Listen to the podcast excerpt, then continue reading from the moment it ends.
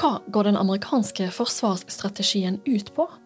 Og hvor er egentlig den militære teknologiutviklinga på vei? Du lytter til Dag og Tid-podkasten, og gjest denne veka er Cecilie Hellestveit.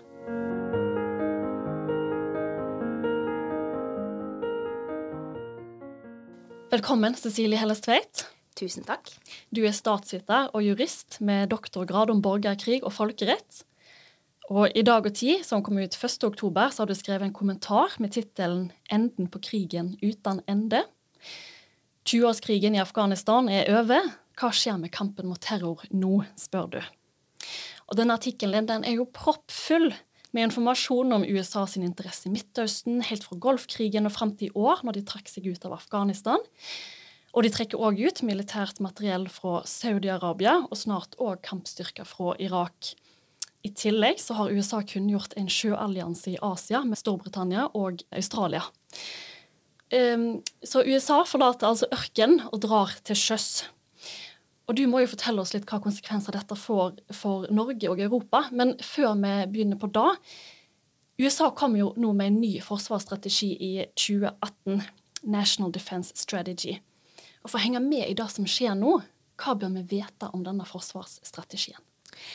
Den kom i 2018, og det er klart, den gikk nok litt under radaren hos folk flest. fordi dette var på et tidspunkt da på en måte Trumps twitratur overdøvet nær sagt eh, alle nyheter av eh, betydning, faktisk, også til dels. Eh, men den kom i 2018, og det var jo altså ikke Det hvite hus sin litt sånn elleville strategi om nå skal vi ut av alle land og få styrkene hjem og vinne det nye neste valget. Det var nok en del av det også i Trump-administrasjonens eh, øverste ledelse. Men dette er alltid i USA et samarbeid mellom de store, tunge statsinstitusjonene. Så du har med Pentagon, altså det amerikanske militæret, du har med eh, ODNI, alle etterretningsorganisasjonene, du har med ODNI? Uh, Office. Um, det, er, det, er liksom, det, er, 16 sikkerhetsorganisasjoner i, i USA, og så er liksom ODNI det, det kontoret som samler alle disse. Men i hvert fall denne, denne strategien fra 2018 uh, den eh, landet egentlig en utvikling som da hadde foregått ganske mange år, og egentlig kanskje helt tilbake til 2008. For da besluttet amerikanerne seg for at de skulle nedjustere det militære nærværet i Midtøsten. Det hadde sammenheng både med at krigene ble for dyre, det var strategisk ulønnsomt, skapte flere problemer enn det løste. Og så handlet det også om energimarkeder, at de så ut til å endre seg eh, i henhold til prognosene. Så i 2011 så ble amerikanerne en eksportør av petroleum, og ja. ikke lenger avhengig da eh, selv av, av import fra, fra, andre markeder. Ja, for Det var nettopp derfor de hadde gått inn i Saudi-Arabia under Golfkrigen. Det var mange grunner til det. Grunner. Men dette var en av hovedbegrunnelsene, tror jeg vi kan si. Ja. At da amerikanerne etter etter slutten på den kalde krigen fikk en, egentlig en avtale med Sovjetunionen, Gorbatsjov, om at eh, amerikanerne skulle holde seg unna liksom, oppløsningsveldet i Sovjetunionen, i bytte mot at de kunne gå tungt inn militært i Midtøsten. Og sikre egentlig tilgangen til hele verden mm. eh, på petroleumsprodukter. Og det amerikanerne sa da, var at vi skal også sørge for at det kommer petroleumsprodukter til bl.a. kinesiske markeder. Mm. Eh, så det var liksom amerikanerne som da startet eh, denne perioden hvor de har fungert litt som verdenspolitimann, altså dette som vi kaller for, eller jeg kaller det for Pax Americana, den, den amerikanske mm. freden. Eh, som man gjerne kan si kom til en ende utover på 2000-tallet. Det startet med 2001 eh, og tiltok utover mot 2008, hvor amerikanerne bestemte seg for å, liksom, å prøve å trekke seg ut fra Midtøsten. Så, så skjedde det fryktelig mye i Midtøsten de neste årene. Mm. Og det ble veldig mye bråk og krig og uroligheter som fortsatt er der. Eh, som handlet til dels om å fylle dette vakuumet etter amerikanerne. Eh, og så i 2014 så brakte amerikanerne denne krigen mot terror til en ende. Da hadde, jo, da hadde man tatt Osama bin Laden i 2011, og så hadde man avsluttet ISAF-nærværet egentlig i Afghanistan i 2014. Og så, og så eh, Nå brakte på en måte amerikanerne den formelle globale krigen mot terror til en ende. Og da gikk amerikanerne inn i en sånn fireårsperiode som, kaller, som de kaller the third offset. omstillingsperiode. Hvor, ja, omstillingsperiode hvor, de, hvor de tok på en måte pulsen på de andre eh, fremtidige Eh, rivalene, og særlig da eh, kineserne. Og, og, på en måte prøvde å se hvor langt har deres militære opprustning, deres økonomiske styrker vokst, og hvor er de på vei rent teknologisk. Og Fire år etterpå, i 2018, så konkluderte man med at nå er vi nødt til å innstille hele vårt forsvar på å kontre Kina til dels Kina, til dels lille Russland, fordi Russland er lite sammenlignet med Kina i denne sammenhengen her, og bitte lille Iran. Uh, og et par enda mye mindre land. Men, men, det handler først og fremst om stormaktsrivalisering. Og per i dag så er jo denne dynamikken her veldig sammensatt. Fordi på den ene siden så samarbeider jo amerikanerne og kineserne uh, på en del områder, uh, og er helt avhengige av hverandre. Men det vi har sett, er at etter 2018 så har det begynt en prosess hvor disse strukturene som gjør kinesisk og amerikansk økonomi avhengig av hverandre, de er i ferd med å bryte opp og skille lag. Og Det skjedde delvis Jeg vet ikke om du husker dette med at Trump sa eh, hvis man ikke har stålproduksjon, så har du ikke et land. Og så hentet han hjem stålproduksjonen fra, mm. også fra Tyskland, fra liksom Europa, fra Tyrkia, fra allierte, for å ha det i USA. Og det er klart Dette her har en sånn to, to, sider ved seg. fordi På den ene siden så sier du ja, vi skal hente hjem tungindustrien, sånn at vi får arbeidsplasser i USA og får kontroll over vår egen produksjonsinfrastruktur. eh. Mm. På den andre siden så er det klart at når du henter hjem stålproduksjonen, da kan du lage militært materiell. Sant? Så det er en sånn liksom et signal da, om at nå beveger vi oss over i en eh, potensielt mer eh, krigsinnstilt verden. Og det er klart, det er en veldig foruroligende utvikling. Fordi mm. kineserne på sin side de har jo også hatt en tiltagende skal vi si, rustningsindustri eh, de siste årene. Og, og de kinesiske på en måte både i forhold til hva den kinesiske stormakten har gjort, men også i forhold til hva den har sagt i møte med amerikanerne. Det er klart det, det er, en, det er en, eh, en, stadig tildragning der, altså, som er veldig bekymringsfull eh, på veldig mange nivå. Ja, og så Nøkkelord her er stormaktsrivalisering, også å demme opp for Kina, men en viktig del av denne strategien er jo òg å inngå nye allianser. Og da nevnte jeg jo så vidt i starten at USA har gjort med Storbritannia og Australia, er at de ønsker en sjøallianse, denne AUKUS-alliansen, som den heter. Og de vil holde Kina i sjakk til sjøs. Eh, men du var jo inne på det litt òg med opprustning. Men vil ikke dette her føre til enda mer opprustning i Kina? Altså, Det som har vært tendensen de siste årene, er jo at kineserne ruster opp særlig maritimt, altså til sjøs. Er i ferd med å bli en betydelig sjømakt. Og jeg er i ferd med å gå forbi amerikanerne i antall skip. Og det amerikanerne har blitt nødt til å gjøre nå, er jo å hente tilbake en skip altså fartøyer som de allerede hadde skrota. Fordi det er jo ikke bare kvalitet som gjelder i militære sammenhenger, kvantitet er også viktig. Sant? Så, så, så det har jo gjort at det er en sånn relativt eh, tydelig maritim opprustning.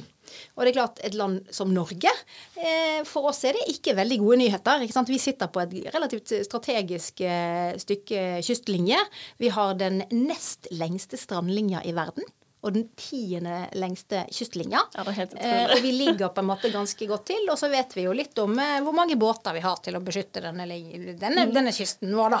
Ikke sant? Så, så, det er klart for oss er dette en, en, en foruroligende utvikling. Eh, for Norge så er det jo litt sånn krevende på to måter. Og det ene er selvfølgelig at vi, vi er en sjø, sjønasjon selv. Eh, og da er det litt tryggere når det på en måte ting foregår i ørkenen, for det er ikke så veldig vanlig her hos oss. Eh, mens det som er kanskje enda mer problematisk, sett fra Norge sitt synspunkt, er at under den kalde krigen, da var det jo skikkelig tøvær. Altså da var det jo ganske heftig i verden mellom to liksom enheter som, som, som styrte, som delte verden mellom seg, og Norge lå midt imellom de to. fordi hvis du bretter kloden opp Hvis du ikke ser kloden sånn som vanlig, men hvis du tar kart og så bretter det opp, og så har du Arktis i midten, så ser du at Sovjetunionen lå på den ene siden, og så lå Norge som en sånn lefse opp mot, opp mot, Nordpolen. Og så ligger liksom Canada og, og, USA på den andre siden. Så Norge lå liksom midt i stormens øye. Mm. Og der er det jo vanligvis helt stille. sant? Mens det som skjer nå, er jo at stormens øye er i ferd med å bevege seg til Sør-Kina-havet og Stillehavet. Altså omtrent så langt unna Norge som det er mulig å komme på kloden. Mm. Og da går vi fra å være liksom et senter eh, hvor det er veldig mye skal vi si, investering, ikke sant? og det er viktig hva som skjer der osv., til å bli en periferi hvor det kanskje er veldig mye lenger ned på, på mange store staters agenda.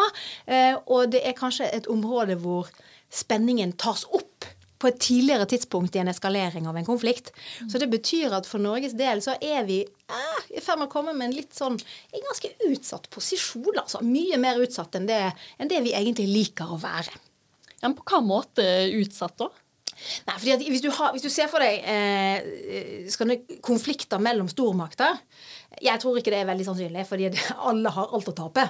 Eh, men hvis man ser for seg at det skjer noe rundt stormens øye, så snakker man om sånn horisontal eskalering. Dvs. Si at det plutselig så bare sprer det seg ut til periferien. Sånn at en, en, konflikt som starter i Stillehavet, kan plutselig veldig fort eh, ende med å eskalere på Nordkalotten. Ja. Og det betyr jo ganske mye for oss, da. ikke sant? Så, så, det er ikke slik at å, men så fint at, at, uh, at uh, konflikten i verden nå beveger seg til Asia, for det er jo så langt unna. Mm. Så nå slipper vi å tenke på det. Det er ikke det som er situasjonen i verden i dag. Dessverre. Og så er det jo det som vi kanskje snakker minst om, fordi det er minst synlig. Uh, men det er et teknologisk kappløp på gang. Fordi den makten i verden som først på en måte får gjennombrudd på noen av de teknologiene som det nå forskes veldig mye på, veldig intensivt, den makten kommer til å eie verden, rett og slett. Hvis den ene av stormaktene får gjennombrudd på, på kvantecomputing, mm. altså virkelig, Da snakker vi ikke om de måte, testmaskinene som de holder på med nå, og det er veldig vanskelig å vite egentlig hvor, hvor sannferdige disse måte, rapport, mm. rapportene er. Men de som får det gjennombruddet på, på ordentlig, kommer til å, å, å, på en måte vinne veldig mye, rett og slett. Ja. Så altså militær teknologiutvikling men hva, kan du si noe mer om hvordan det kommer til å se ut? Nei, altså dette foregår jo på mange måter. Det, det, som er utfordringen, er jo at vi er i et teknologisk skal vi si, kappløp som både gjør at sivil teknologi går mye fortere, fordi at kvantecomputing er jo egentlig sivil teknologi. Mm. Eh, og det er først og fremst kanskje de fremste selskap, teknologiselskapene i verden som, som, eh, som er i front. Men så har du andre typer te militærteknologi som er avleggere av den sivile. Og så har du andre former for, for teknologiutvikling som er mer mm, retta inn mot militære bruksområder. For så er jo dette med autonome, autonome våpensystemer eh, kommer jo for fullt. Mm. Eh, både til lands eh, og, og, til vanns og i rommet. Ikke så mye kanskje liksom sånn tett innpå oss, men, men i liksom, liksom mer sånn perifere områder så er det på, på vei til å utvikles eh, og komme kommer til å komme de, de neste årene eh, i større og større grad. Og så har vi jo dette med bioteknologi. ikke sant? Fordi det er jo det som er den egentlig store revolusjonen i dette århundret. Det er bioteknologien. Hvor vi tar kontroll over eh, rett og slett biologien.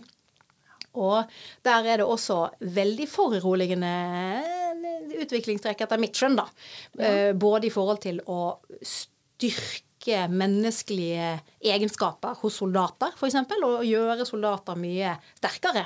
Eh, mm. nær sagt bli, bli, sånne overmennesker, fordi du kan på en måte tukle med, med, biologien deres. Men også ting hvor du ser for deg at du kan bruke svermteknologi, hvor du ikke bruker droner, men du går over til å bruke mer skal vi si, eh, biologiske hjelpemidler da, som egentlig er styrt sant, eller hacket osv. Altså, det er veldig masse ting som skjer som teknologien muliggjør. Og det som er problemet med det, er følgende.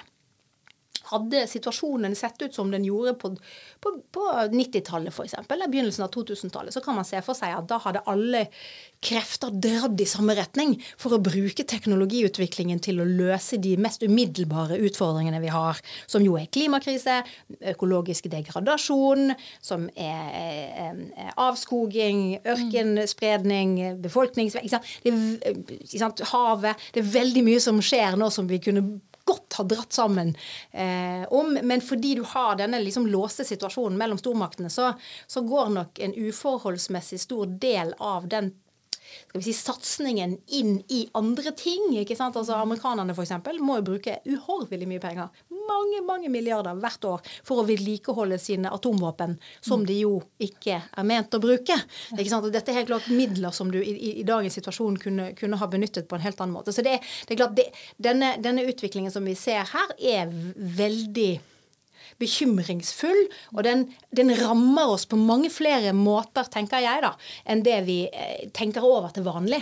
For hadde vi ikke hatt dette, så hadde vi hatt veldig mye mer eh, frigjort teknologikapasitet til å løse de virkelig store problemene. Så, så det er klart, dette her er, det er ting som, som, henger sammen med en del av de temaene som folk, eh, folk snakker om til vanlig, rett og slett. Mm. Ja, og i disse krigene som vi har i Midtøsten, i Libya, Syria, og Jemen så er det klart at eh, kineserne de har Midtøsten-land som bruker deres teknologi på den ene siden av frontlinjen, eh, og på den andre siden av frontlinjen så er det kanskje Frankrike eller Tyrkia. Så det vil si at da får jo på en måte kineserne testet sin våpenteknologi, droneteknologi og andre typer teknologi opp mot Nato sine, mm. sine våpensystemer. Da. Og det er, klart, det, det er en litt sånn foruroligende utvikling, det også. Ja, ja for Forlater USA og Europa nå i Midtøsten?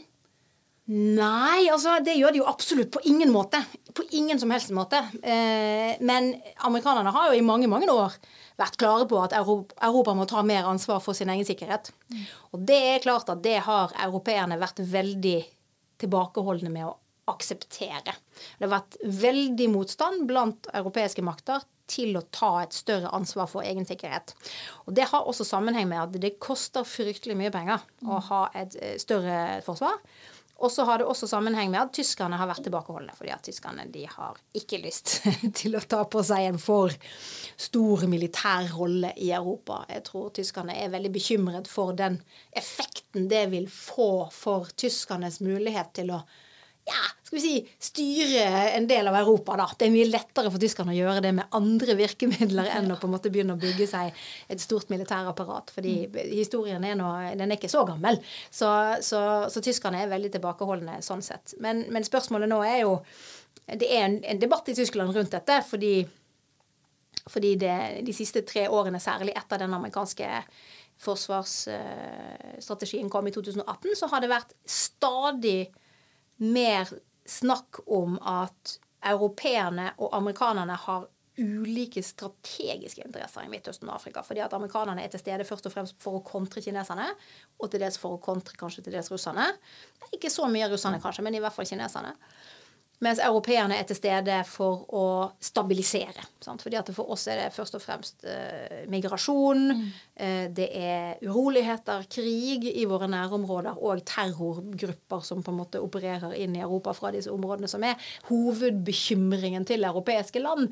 Og det er det er en målsetning som ikke helt lar seg kombinere med eh, stormaktsrivalisering. For det er i sin natur destabiliserende for land. sant? Hvordan kan forholdet mellom Europa og eh, USA bli, da, når, de har så, eller når vi og USA har så ulike interesser i dette området? Dette er jo noe som man eh, er veldig forsiktig med å snakke så mye om, fordi dette kan, det kan liksom nok et tema som, som gjør at eh, Nato-alliansen eh, har eh, litt sånne utfordringer. Men det er klart situasjonen i Midtøsten og, og også i Middelhavet de siste, de siste året halvannet har vært ganske heftig, fordi at du har jo Nato-land, bl.a. Tyrkia og Frankrike, som i flere konflikter har stått på hver sin side sant? og støttet en, en, ulike parter som har slåss mot hverandre. Klart, det er ikke, det er ikke sånn drømmescenario for Nato, det, altså. Sant? Og, og, og tilsvarende å komme i en situasjon situasjon i, i, i Afrika f.eks., hvor, hvor russerne jo som etter hvert får en veldig sånn gunstig posisjon for å stabilisere. Mm. Eh, litt sånn i, for, i, forlengelsen av det russerne har gjort i Syria, så har de også fått en del andre eh, på en måte instrument som russerne kan bruke diplomatisk og militært. Eh, ikke sant? Som, som, gjør at plutselig så er vi avhengig av å samarbeide med russerne. Ja, for det er medlem av denne her Shanghai Cooperation Organization. Det stemmer. Den opererer nok mindre i Midtøsten og Afrika. Den er mer i Sentral-Asia. og mm eh, iranerne de ble jo med. Tatt opp endelig etter mange år på ventelisten. De kunne jo ikke bli med til dels pga. Trump-administrasjonens sanksjons- eller massive presskampanje mot Iran. Så, så, kunne ikke iranerne få lov til å bli tatt opp, sånn som de hadde håpet eh, tilbake igjen for noen år siden. Men nå eh, er på en måte tiden moden, da for at uh, Iran blir tatt opp. Og Det har jo også sammenheng med Afghanistan og at, uh, at uh, Russland og Kina, som samarbeider i denne Shanghai Cooperation Organization, sammen med India og Pakistan mm. til dels, de har jo med da alle de landene som er rundt Afghanistan.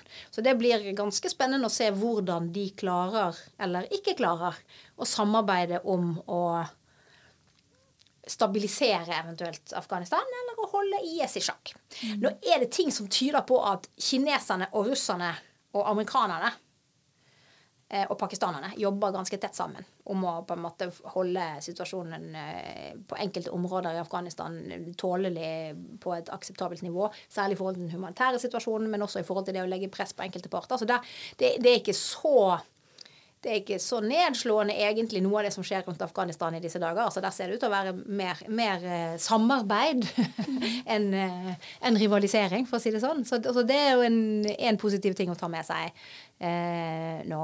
Eh, men så har du situasjonen i Mali, hvor, hvor de forrige uke så kom så kom eh, russerne inn og, og, har da en avtale hvor de leverer militært utstyr til, til styresmaktene i, i Bamako. Ja, For Norge skal jo sende soldater til Mali innen utgangen av 2021?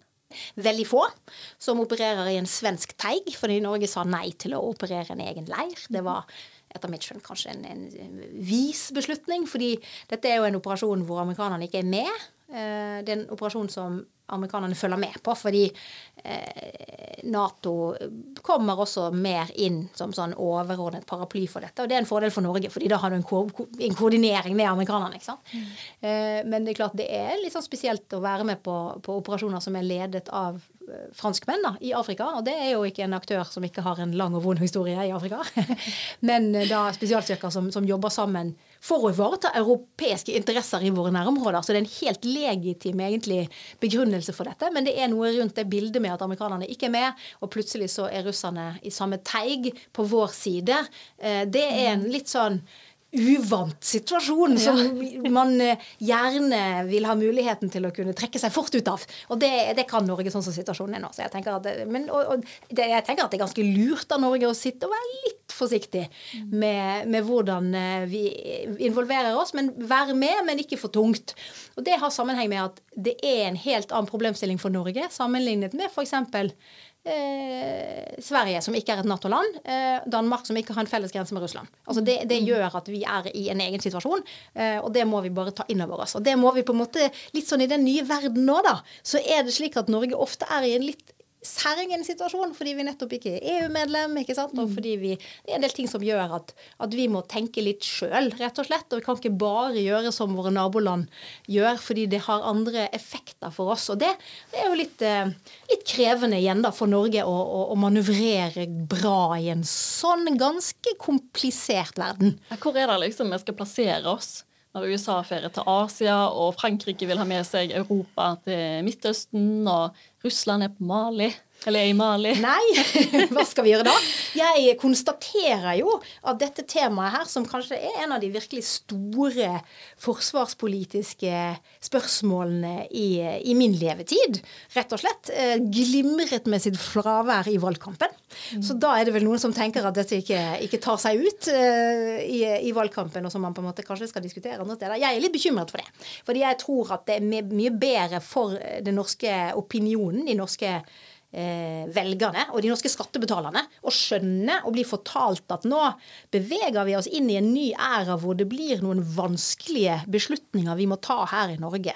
Ikke sant? Jeg tror ikke på den om at hvis vi bare ikke forteller folk det, så dette har ikke folk eh, noe, De blir bare bekymret, og, og, og, kanskje så kan det ha noen eh, liksom, sikkerhetspolitiske konsekvenser at vi driver og diskuterer disse temaene her. Og det tror jeg er en feil analyse. Jeg tror at det å informere befolkningen om at nå blir det noen vanskelige valg. Og det er ikke valget mellom på en måte roser og kålhoder. Det er liksom pest eller kolera eller covid. What have you? Hva skal vi velge? Sant? At man har en mye mer ærlig debatt rundt det. For da skjønner folk, eh, for det første, hvorfor politikerne er nødt til å ta noen eh, vanskelige valg. Og så er folk også til dels eh, aksepterer folk å være med på det. Sant? Fordi mm. det er jo når politikerne på en måte ønsker å gjøre ting som folk ikke skjønner, det er jo da det oppstår problem. Og ikke minst eh, så er det jo et problem i, vår, i, vårt samtid, i, vårt samfunn i dag at da har ikke politikerne egentlig handlingsrom til å gjøre noe hvis ikke mm. velgerne har forstått at det er en problemstilling. Det er et tog i tunnelen som kommer mot oss, og det kommer ganske fort. Det må på en måte folk forstå.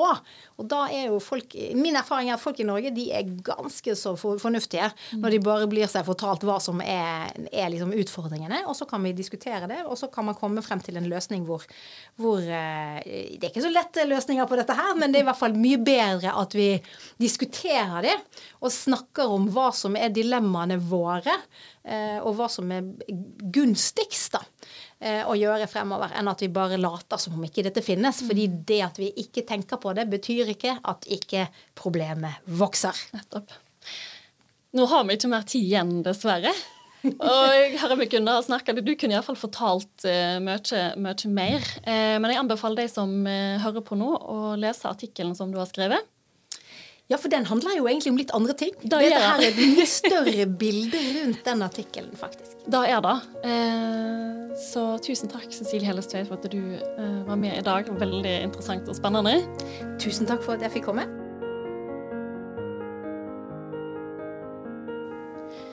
Du lytter til Dag og Tid-podkasten. I studio var jeg, Sofie Mai Rånes. Har du tilbakemeldinger på podkasten vår? Send gjerne en e-post til sofie krøllalfa dagogti.no. Vi er tilbake igjen om ei uke. Takk for at du lytter.